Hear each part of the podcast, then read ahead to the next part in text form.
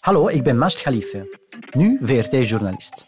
Maar toen ik in België jaren geleden aankwam, wist ik niets over het journaal Martin Tange of Ter Zake. Ik was buiten de bubbel van de media.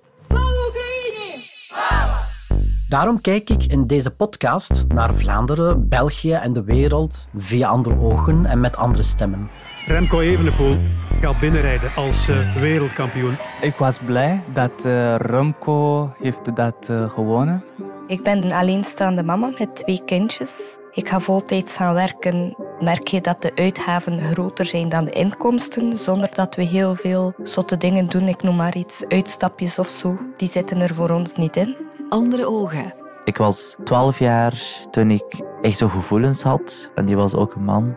Wanneer ik dat wist, wist ik niet dat homoseksualiteit bestond. Met Mast Khalife. De schade die orkaan Ian achterlaat is ongezien. Met temperaturen van 40 graden en meer. De droogte blijft aanhouden.